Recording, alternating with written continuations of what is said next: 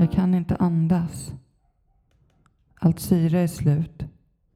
Jag förstår inte hur jag ska göra för att få ner mer i mina lungor. Jag försöker, men det är som om all syre i hela världen är slut. Jag ser de andra på Söderstadion le. Jag ser hur lätt det ser ut för Sara och Rickard att andas. Men jag kan inte. Jag förstår inte. Hur gör man? Det går inte. En tsunami av ångest sköljer över min kropp.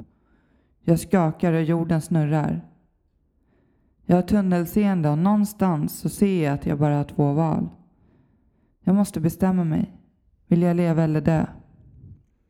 Själsligen hade jag redan varit död i flera år.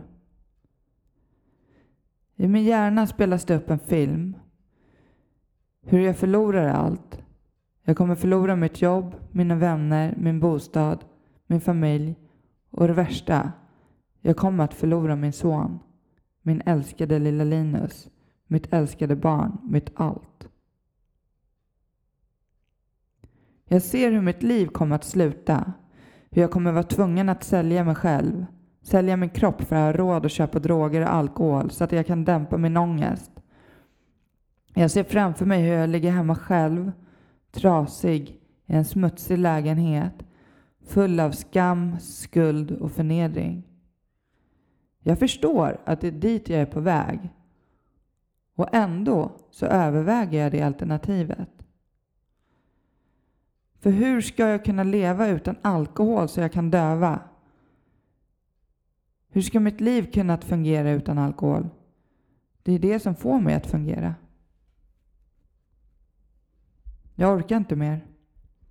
Orkanen av känslor far igenom mig.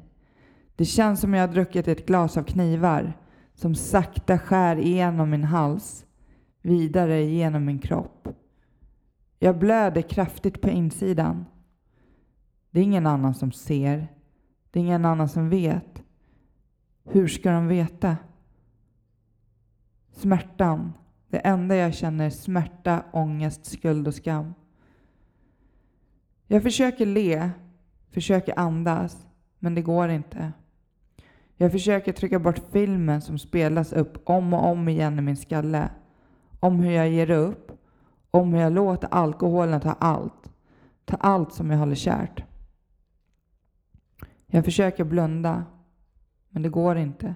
Jag kan inte blunda mer. Det här är sanningen. Jag orkar inte.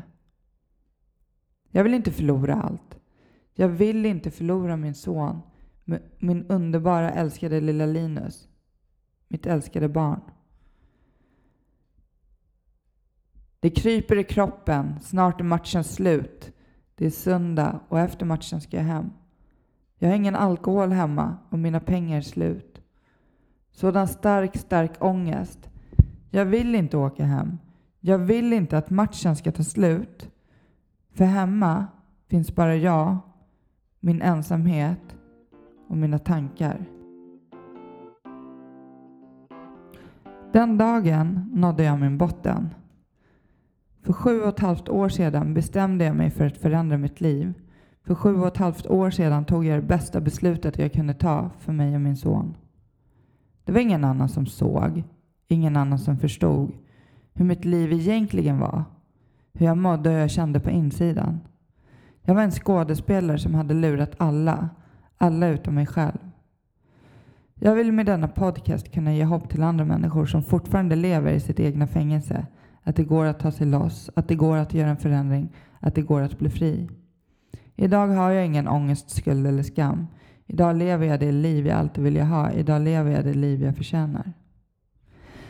Hej och välkomna till er som lyssnar. Mitt namn är Anneli Ståhl och detta är avsnitt ett av Beroendepodden. Så vad är Beroendepodden? En podcast om beroende, missbruk och medberoende. Något som jag tycker är superviktigt att prata om. Något som berör hela samhället. Om man själv inte har ett beroende eller ett missbruk så har man säkert någon i familjen som har det eller kanske en nära vän eller en kollega. I min podcast kommer jag att intervjua människor som tagit sig ur ett missbruk, ett beroende och som idag lever i ett tillfrisknande. Jag kommer att prata om medberoende och vad anhöriga kan göra.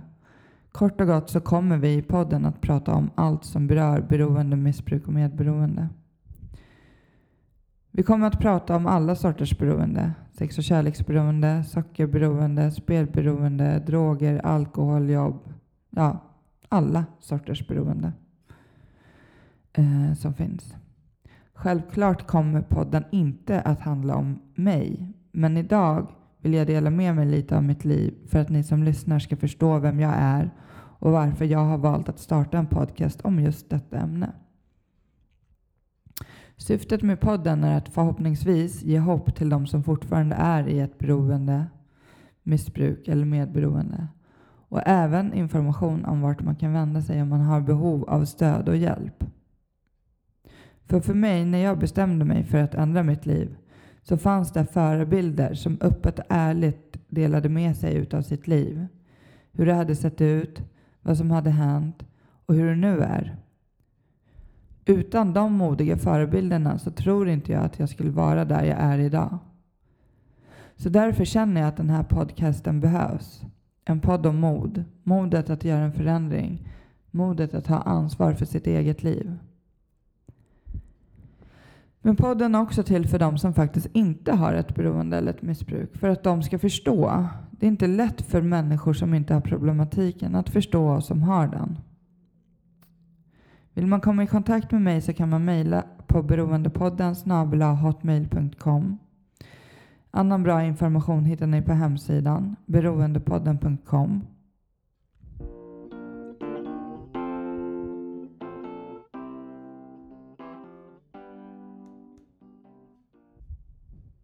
Så vem är egentligen Anneli?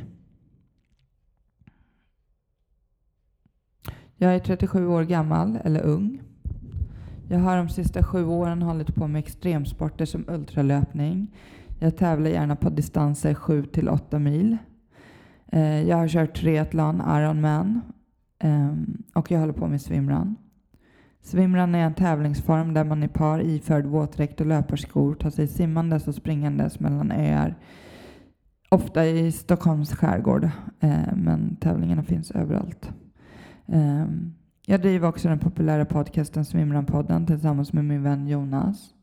Jag anordnar ett välgörenhetslopp varje år och driver ägen ett eget företag. Jag lever ett extremt kul liv med fokus på hälsa och äventyr. Och så har jag min fantastiska tonårsson Linus som spelar fotboll på elitnivå och även tränar kampsport. Och vi har en superfin relation. Guld och gröna skogar kan man tro. Och ja, så är det idag. Men min bakgrund är inte lika ljus. Jag kommer från en dysfunktionell släkt med inslag av psykisk ohälsa och alkoholism. Framförallt på min fars sida. Ehm, jag är uppvuxen i Stockholm, Bagarmossen, eh, med min mor och far och storebror. Eh, som barn tränade jag en hel del, höll på med fotboll, badminton, simhopp, karate med mera, men slutade med det mesta efter en termin eller två. Jag drömde som barn om att bli äventyrare när jag blev stor, resa världen runt, klättra i berg, paddla ner för forsar. Eh, men i mellanstadiet la jag ner allt som hade med idrott att göra. Jag började tycka att livet var rätt så tråkigt och meningslöst. Och ju äldre jag blev, ju mer försvann mina drömmar. Redan i tidig ålder så led jag av ångest och oro. Något jag idag har förstått har med rädslor att göra, att inte duga eller passa in. Mycket. Väldigt tidigt hittade jag alkoholen redan i sjuan. Min första fylla var på valborg. Det var som om jag hittade hem. Jag fick ett lugn i mig och de jobbiga känslorna jag hade haft försvann och en falsk, en falsk självkänsla skapades. Alkoholen gjorde mitt liv lite lättare och plötsligt hittade jag något som jag var bra på. Något som gjorde livet roligare. Och tidigt insåg jag också att jag inte drack på ett normalt sätt utan varje gång jag drack så var syftet att bli full. Gärna jävligt full och gärna full jävligt ofta. Så jag drack så ofta jag kunde. Det var som om jag hade ett stort hål i min själ som be behövdes fyllas. och bästa sättet att fylla hålet var med alkohol. Jag sökte mig till grupper som liksom jag gillade att festa. Jag fick ett stort intresse av fotboll. Hammarby var laget såklart. Ett perfekt att kunna dricka både tid och otid. Att knäcka en bärs direkt efter jobbet. Om det var match på kvällen var inga konstigheter. Så jag sprang på alla matcher jag kunde. Självklart älskade jag gemenskapen också, men det som drog mig mest till fotbollen var friheten att kunna dricka.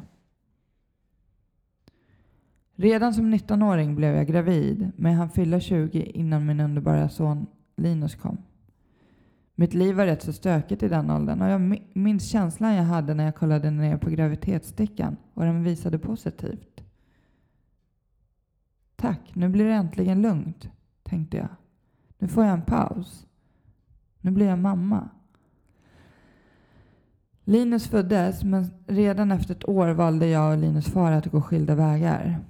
Strax därefter träffade jag en ny man som jag blev dödskär i. Jag trodde det var mannen i mitt liv.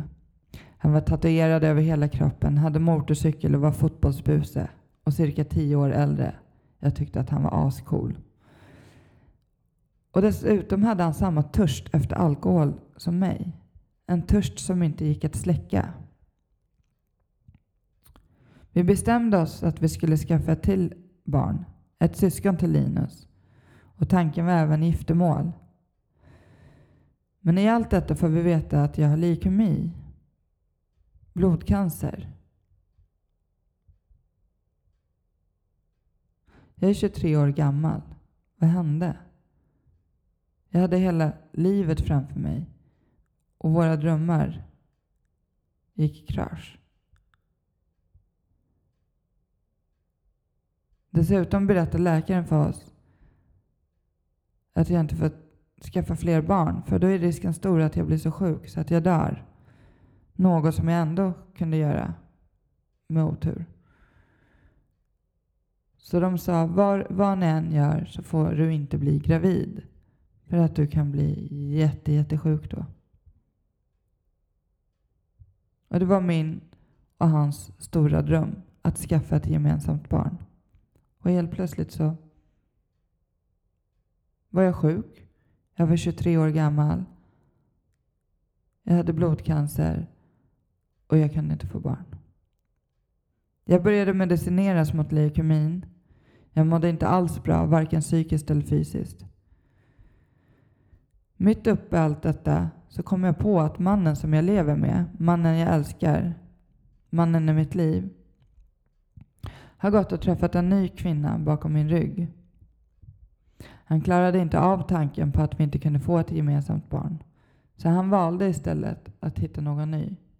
Medan jag var hemma och var sjuk. Det var som om någon drog bort marken som jag stod på. Och jag föll och full och full. Djupare och djupare. Vårt förhållande tar slut och jag går in i en djup depression där jag blir kvar i många, många år. Jag får inget stöd, ingen professionell hjälp under de här åren. Jag blir långtidssjukskriven och börjar självmedicinera med alkohol. Jag dricker så ofta jag kan, nästan dagligen, för att överhuvudtaget kunna sova. Jag kan inte hantera mina känslor. Jag förstår inte hur man gör. Enda sättet för mig att hantera smärtan som jag känner är att döva med alkohol. Mitt i min djupa depression så kommer det in en ny man i mitt liv. Jerry. När jag trodde att livet inte kunde bli värre så visade det sig att jag hade fel. Det blev värre. Jerry var narkoman och psykopat. Det är ingen bra kombination. Under den perioden vi hängde ihop lyckades han bryta ner mig totalt. Han misshandlade mig både psykiskt och fysiskt. Min självkänsla, det lilla jag hade haft innan han kom in i mitt liv, försvann helt. Med honom började jag även testa droger. Allt för att fly från min ångest och mina känslor. Men efter ett tag så lyckades jag ta mig loss. Det var inte lätt, men jag lyckades få ut honom ur mitt hem. Jag kommer ihåg att jag låste in mig hemma hos mina föräldrar. Han hade inte koden dit så han kom inte upp. Jag lyckades bryta mig loss i alla fall. Men förhållandet satte sina spår.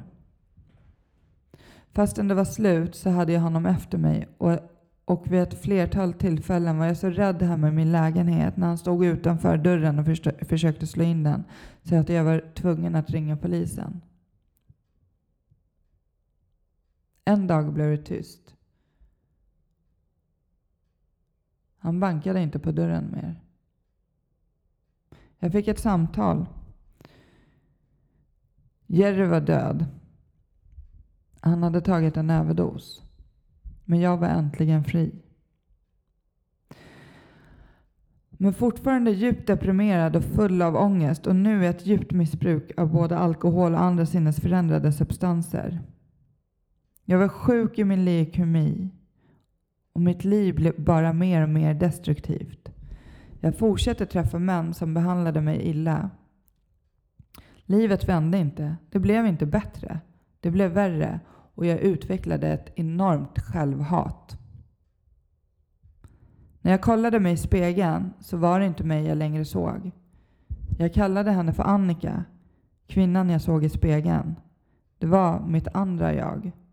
Den destruktiva. Kvinnan som mådde dåligt. Kvinnan med ett stort hål i sin själ. Kvinnan som bara var ett vackert skal. Min fysik var körd i botten. Jag orkade knappt gå upp för rulltrappan. Jag började nä blöda näsblod oftare och oftare och jag var ständigt sjuk. Jag kedjerökte ett paket om dagen och snusade en halv dosa om dagen.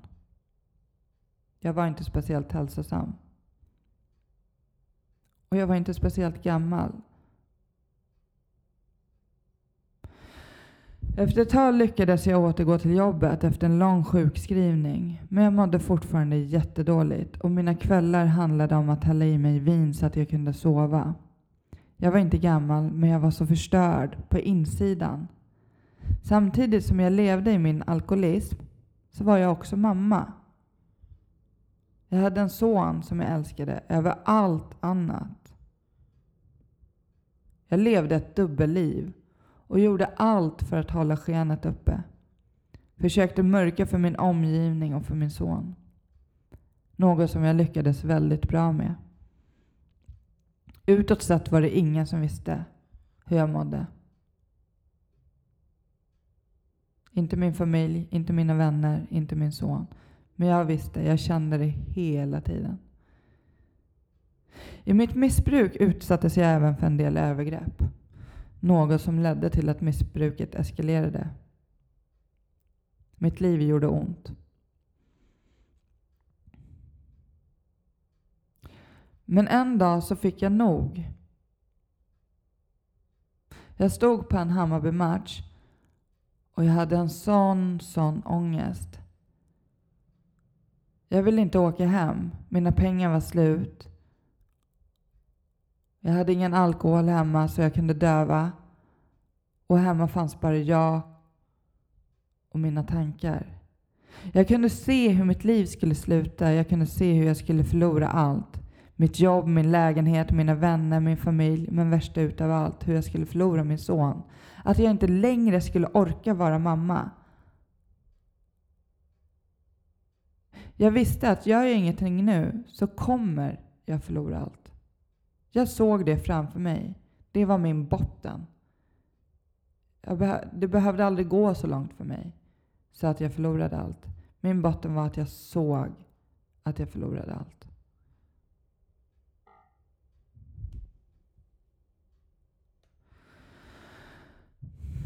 Av en slump så levde min granne som nykter alkoholist sedan många år tillbaka. Han hade berättat för mig om sig själv, vart man kunde vända sig om man hade problem med alkohol, hur han hade gjort. Jag bestämde mig för att testa det han sagt och vända mig till ett självhjälpsprogram, ett tolvstegsprogram.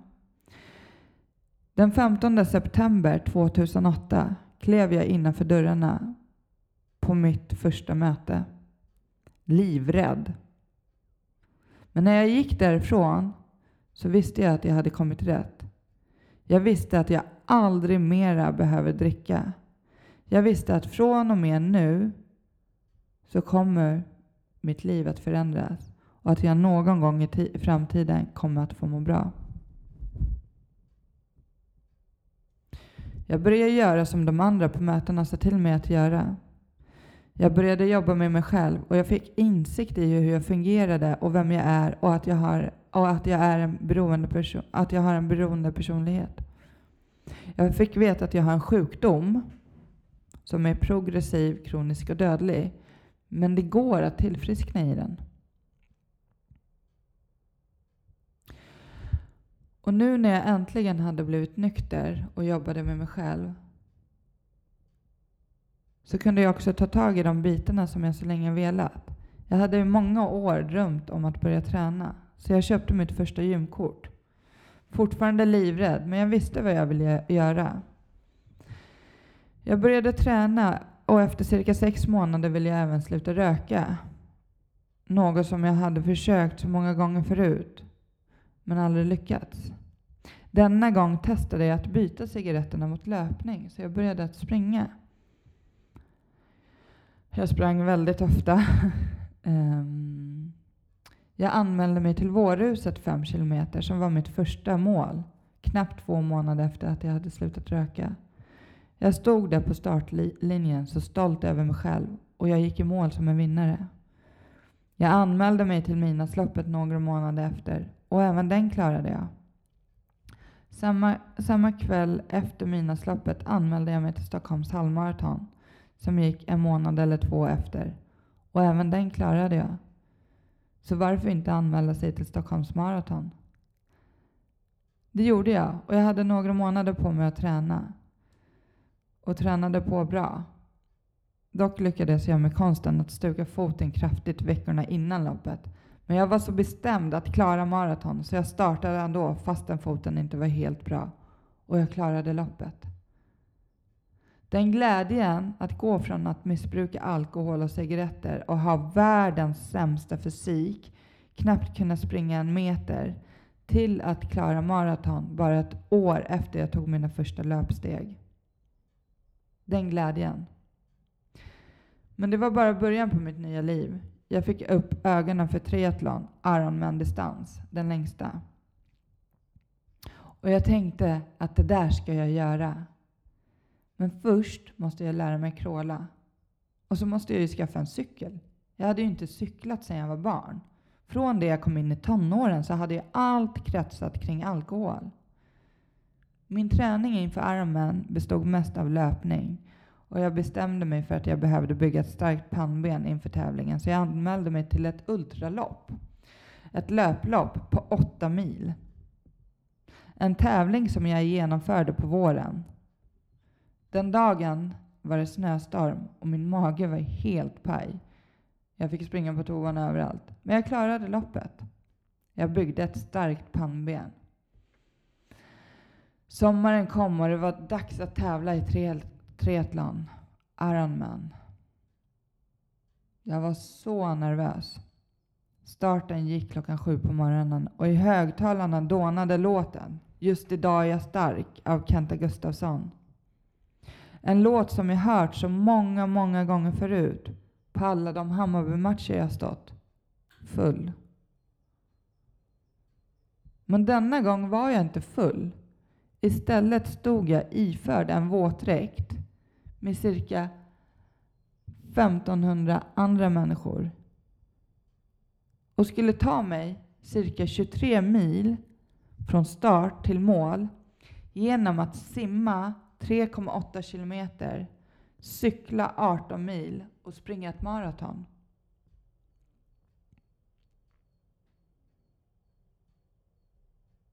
Tårarna ville komma. Här står jag, lilla, lilla fröken Ståhl. Kvinnan som några år tidigare hade hatat sig själv.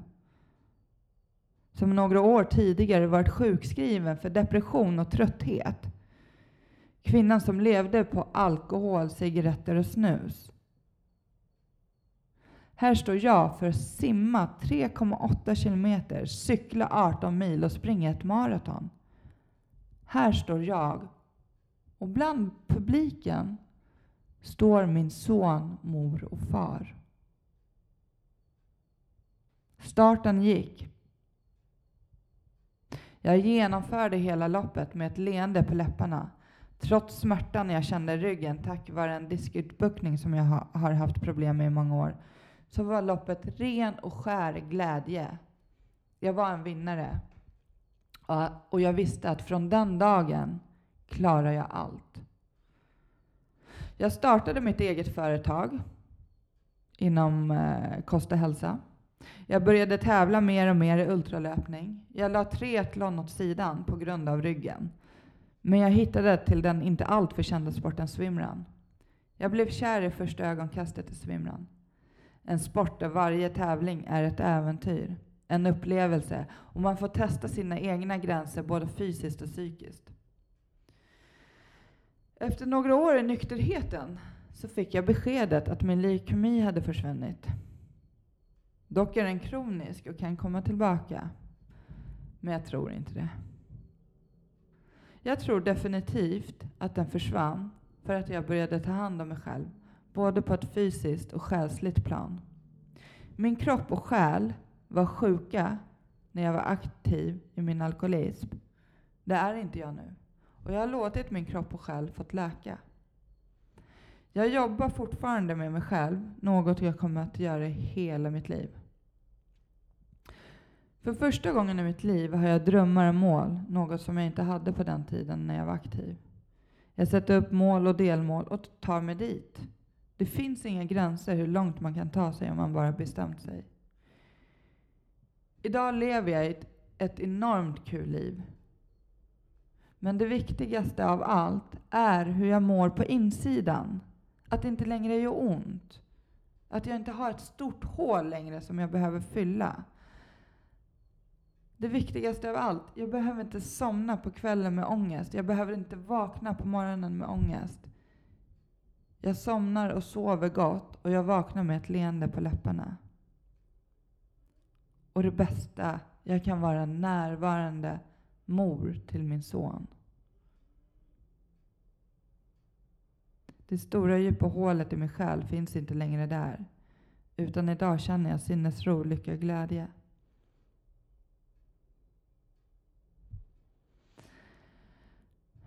Jag är nyfiken på livet. Jag är inte längre rädd. Mitt liv är inte längre jobbigt. Jag lever, jag vill leva, jag vill vara delaktig i mitt eget liv. Jag vill inte stå på sidan som en åskådare. Det finns så mycket kul jag vill göra, så många platser jag vill se, så mycket att upptäcka. Jag älskar livet. Och framför allt så älskar jag mig själv. Idag när jag kollar mig i spegeln så ser jag Anneli. Annika, den destruktiva, hon finns inte längre kvar. Hon är borta sedan många år tillbaka. När jag kollar mig i spegeln idag så är jag stolt. Jag ser en vacker kvinna med en vacker insida. Och jag är otroligt tacksam för den människan jag är. Och jag är otroligt tacksam för det liv jag har. För alla människor runt omkring mig och för min underbara son.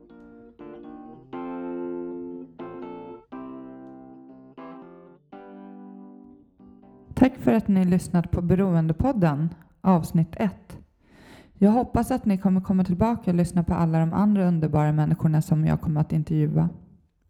Om du själv sitter på en bra historia om hur du ändrade på ditt liv från ett missbruk eller ett beroende får du jättegärna höra av dig till mig. Eh, jag kommer intervjua alla sorters människor eh, med olika beroenden som sex och kärleksberoende, spelberoende, sockerberoende, alkohol, narkotika. Ja, det finns ju några att välja på. Eh, så sitter du med en eh, historia och känner att du eh, vill dela med dig om den så hör jättegärna av dig till mig. Vill ni kontakta mig så finns jag på beroendepodden snabelahotmail.com. Kolla jättegärna in hemsidan beroendepodden.com. Där står det också om hur man kan stötta detta projekt genom eh, antingen gåva eller om man är sugen på att bli en av sponsorerna till Beroendepodden. Mer info hittar ni på hemsidan. Ni hittar även mig på Instagram, eh, Beroendepodden såklart. Vill ni stötta detta projekt kan ni även gå in och anmäla er till Flötenloppet som är ett välgörenhetslopp eh, som Running for Sobriety anordnar. Eh, all info finns på hemsidan. Jag föreläser också. Är ni intresserade av det så finns det på hemsidan beroendepodden.com. Jag vill avsluta avsnitt ett med att tacka alla fina människor som jag har i mitt liv idag. Framförallt vill jag tacka min underbara son Linus som låter mamma hålla på med alla sina galna projekt. Mm. Exakt. Mm. Han tycker också att den här podden behövs. Uh, och jag är en otroligt stolt mor till en superfin tonåring. Ja, med det vill jag avsluta med att eh,